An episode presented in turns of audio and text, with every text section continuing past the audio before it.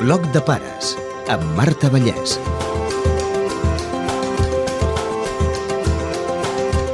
Avui parlem dels menors i internet. Què en saben de les xarxes socials? Els Mossos d'Esquadra fan xerrades a les escoles per parlar-ne. Yo no tengo barco, pero navego en mi cuarto. Tengo mis contactos para moverme por la red. El sotsinspector Ferran Resina és el cap de la Unitat Central de Proximitat i Atenció al Ciutadà dels Mossos, el departament que coordina les xerrades. ha anat derivant. Era una xerrada que es va començar fent amb nens i ara dintre d'una mateixa xerrada hi ha quatre, no? Un és nens de primària, el que serien ja joves, d'ESO i secundària, pares i docents.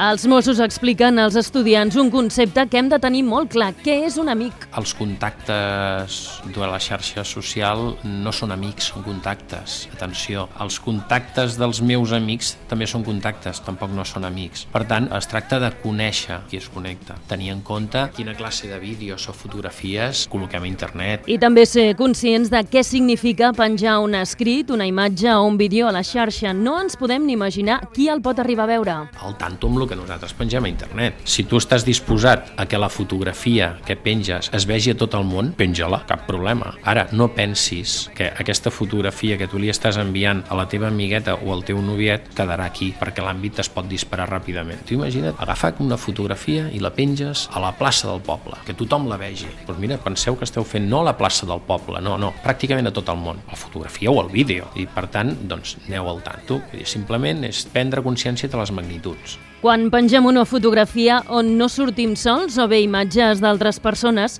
això pot tenir conseqüències. Un dels consells que donem no solament tenir en compte la seva fotografia, sinó han de tenir en compte la imatge dels altres. Uh, això se'ls ha d'explicar als joves i, per desgràcia, a vegades també als grans. Ja està d'acord l'altre que pengis la seva imatge? A vegades, quan dius això, d'entrada hi ha una mica de xisó, ostres, perquè jo he notes, dic, bueno, que ho fan contínuament. Ha d'haver algú que els hi faci reflexionar amb això. Ens trobem que et fan la reflexió quan acaben, ostres, és veritat, però no havia pensat que, clar, no sóc jo, és que estic aquí penjant fotografies d'aquest, d'aquell altre, d'aquell altre, i, i aquell no té ni perfil ni té res, i dius, bueno, doncs mira, si no té perfil i no vol sortir a internet, tu li estàs publicant la seva foto, encara que sigui no una foto de conjunt, reflexionen, va bé. No doneu mai cap dada personal perquè algú se'n pot aprofitar. Una de les coses que s'ha de vigilar són les dades personals que es pengen, i no són dades només personals nostres, són dades de tota la família. Què faig? Ara marxem de vacances, ara me'n vaig amb els papes de vacances, estaré tot el mes d'agost fora, i la casa estarà tancada tot el mes d'agost sola. He comprat això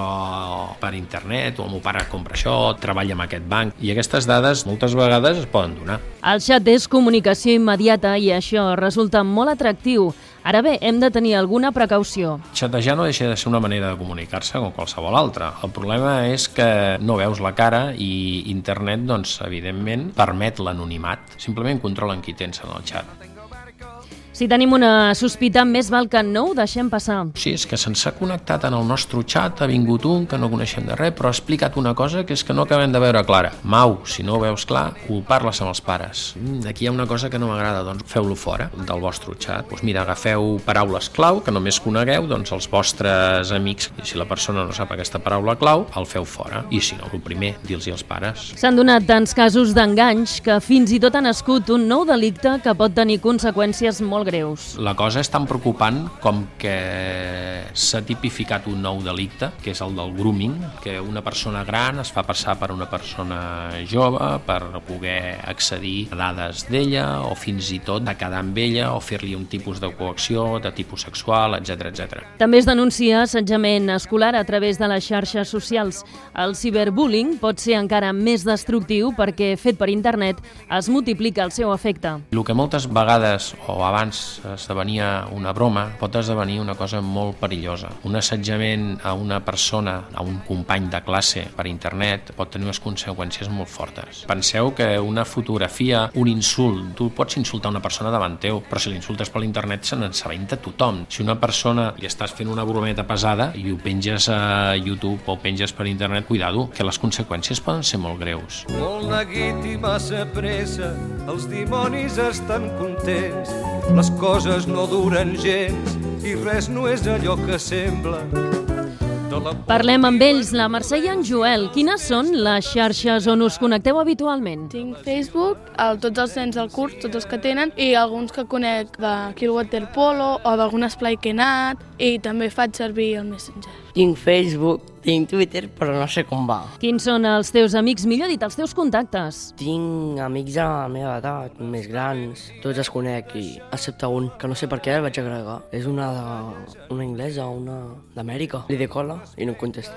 Joel, no hem dit que no hem de mantenir contacte amb cap desconegut, ho sabies? Agregar persones que tu no coneixes o que es fan passar per una altra persona que tu coneixes i que diguin que aquí és un lloc i et puguin sequestrar o atracar-te. Això de que per Facebook i totes les altres xarxes, que la gent, com que no està cara a cara, diu el que vol, pot dir insults, diu-lo, vamos, diu el que vol. I tu, Mercè, saps què és el que no s'ha de fer? Parlar amb els desconeguts així o no agregar a ningú que no coneixes, depèn de com no penjar fotos, no donar dades personals. Al col·le vam fer un treball d'això i, vam, i ens van explicar coses. Quan us connecteu, de fet, a l'escola dieu que us demanen que busqueu informació a internet. Em connecto cada dia no, però cada tres dies o així. Informació de treballs que fem al col·le, llavors tenim de portar-ho i allà fer el treball. Cada dia no, però bastants dies. I em connecto quan, quan no tinc res a fer, quan tinc les hores fets també, quan no tinc amics per anar a jugar. Hi ha diferències, creieu, entre l'ús que fan de les xarxes socials entre nois i noies? Què en penseu? Les noies estan penjant fotos i, i penjant coses als murs dels altres i tot això, i els nois pengen unes cançons o, no sé, o fotos de cotxes o coses així. Penjo cançons i alguna altra foto. Les noies pengen més fotos de nois, coses d'amor, poemes...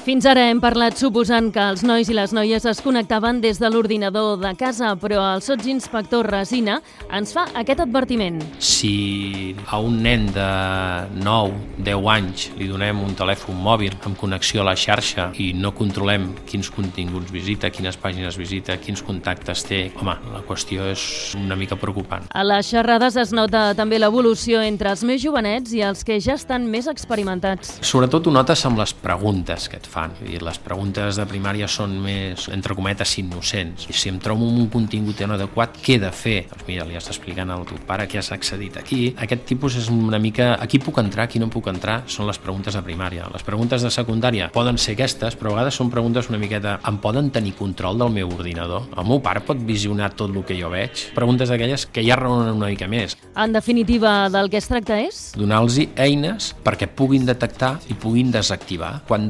detectin que alguna cosa no els hi quadra, doncs és que ho expliquin als pares. I si convé els pares ho valorin, i si convé que ens ho expliquin a nosaltres, que vinguin a denunciar-ho. Ells ja ho veuen quan una cosa, moltes vegades ho detecten els crios.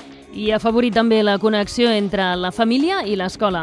Conèixer també les persones amb qui es relacionen i després doncs, una cosa que també nosaltres intentem fomentar també, que és que els pares i els mestres puguin parlar d'això. Són àmbits moltes vegades que queden separats i no haurien de quedar-ho, dir que parlar-ho, fomentar ponts. Si vols saber més coses, Recordem, trobareu consells per pares i fills al llibre Tranqui papàs dels policies Oliver Tauste i Pere Cervantes, molt pràctic i aclaridor, escrit per dos experts en la matèria. I llibres per nois i noies, dues novel·les que parlen dels perills a la xarxa.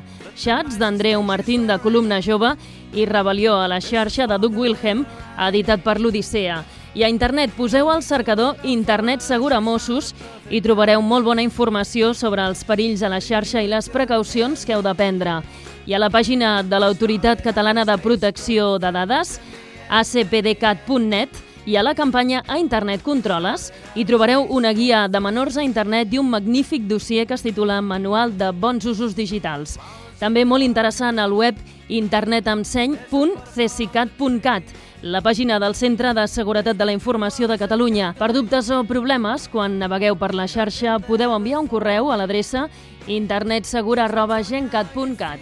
No facis el que no t'agradaria que et fessin. Mira que això és senzill i és de tota la vida. A internet és el mateix. No facis per internet el que no t'agradaria que et fessin a tu. For the Facebook